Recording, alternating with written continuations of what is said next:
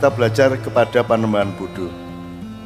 Ah, Panembahan Budo niku asmanipun sinten asline, Pak? Uh, Adipati Terung, Pak. Adipati Terung. Jadi beliau itu anak nomor dua Prabu Brawijaya kelima. Panembahan Budo niku. Jadi ki sambil ben kowe iki ngerti manggon ning ndi ngono ya. Jadi kui adine Raden Patah. Ya. Panembahan Budo kui biyen de panglima perang Mojopahit.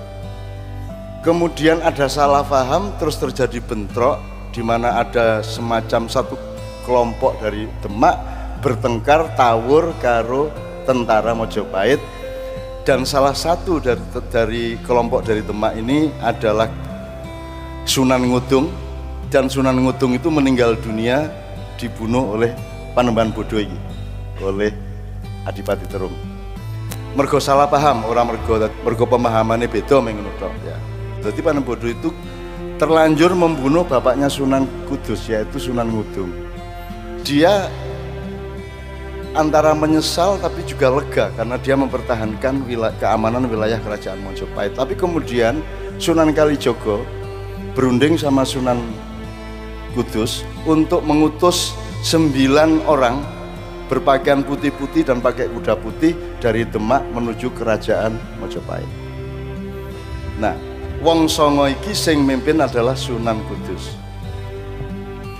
Jadi kan terus Adipati Terung Panembahan yang kelak menjadi Panembahan Budo kemudian kan lho iki apa iki arep nyerbu kok piye nek nyerbu kok ming wong songo ning nek ora nyerbu kok le semangat kaya ngono kae sembilan pakai putih-putih toh ternyata Sunan Kudus dengan sembilan orang itu membawa suratnya Sunan Kalijogo kepada Prabu Brawijaya kelima Intinya surat itu adalah bahwa Sunan Kudus yang memimpin pasukan ini sudah memaafkan Adipati Terung yang membunuh bapaknya.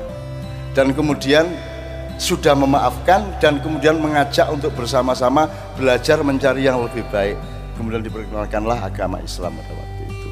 Ternyata Adipati Terung dan bapaknya dan semua orang keraton maupun para elite kerajaan Mojopahit sangat senang dengan surat itu sehingga kemudian mereka semua ikut mendaftar untuk bersama-sama mendirikan pada akhirnya mendirikan kerajaan Demak. Harap tahu Majapahit ini loro Bu, siji biyen ning Trawulan, bar kuwi kena banjir lumpur sehingga keraton kelelep sak piturute, pusat uh, infrastrukturnya uh, hancur, uh, terus pindah ke daerah barat kira-kira 5 60 km dari dari tempat yang asli ditarik tarik ya ditarik krian. Kemudian pindah ke barat daerah Canggu Mojokerto di tempat delta Sungai Brantas Porong dan Kalimas. Di daerah situlah kemudian berdiri kerajaan Mojopahit agak ke barat sedikit yang sekarang kita sebut Trawulan dan itulah kerajaan Mojopahit yang kita kenal yaitu kerajaan yang kedua yang didirikan karena urusan lumpur tadi. Nah, kemudian karena Mojopahit memang sudah turun kekuatan politiknya maupun ekonominya, maka akhirnya terjadi transformasi. Jadi tidak ada ceritanya bahwa Demak menyerbu Mojopahit, kemudian menaklukkan Mojopahit terus mendirikan kerajaan Demak. Demak itu dikerjakan bersama-sama untuk melakukan penyelamatan bersama, terutama penduduk Jawa Timur, Jawa Tengah, dan seluruh Pulau Jawa. Jadi sebenarnya semua berjalan dengan damai. Nah akhirnya Panembahan Buddha, eh, Adipati Trung niku akhirnya dados pangap atau panglima perangnya kerajaan Demak. Nah singkat kata Panembahan Bodo menjadi panglima pasukan Demak dua setengah tahun kemudian beliau pensiun dini. Umurnya belum terlalu tua waktu itu Pak ya. Beliau kemudian mendito karena ada tradisi orang Jawa. Pokoknya nek kue umur seket seket lima munggah kue wis kudu dadi wong tua kue kudu rohaniah kue kudu wis ora entuk ngurusin dunia banget banget kue wis kudu nyiapke uripmu tinggu urip kang abadi sejati yaitu di hadapan dan bersama Allah Subhanahu wa taala maka Adipati Terung itu kemudian pergi ke sini ke daerah ini menjadi seorang pendeta kalau sekarang mungkin disebut seorang syekh atau seorang mursyid atau seorang kiai atau seorang apa pun namanya waktu itu bahasanya adalah dia menjadi panembahan karena panembahan itu tidak berarti bukan Islam. Panembahan itu kan satu sikap di mana manusia wis ora kadunyan meneh. Kowe wis tuwa, kowe wis ngerti urip ki mung dihapusi kowe karo Samsung karo iPhone karo medsos. Ya saiki wis rasa medsos-medsosan gitu. Wis saiki kowe dadi wong tua. Sudah manembah, panembahan tadi sudah manembah mengkhususkan diri untuk menyiapkan apanya kehidupan akhirat sehingga hidupnya hanya menembah kepada Allah Subhanahu wa taala. Nah, kemudian ini kan agak aneh. Wong isih nom kok pensiun malah jadi panembahan. Mau saiki sing wis tuwa wis dadi wakil presiden kok.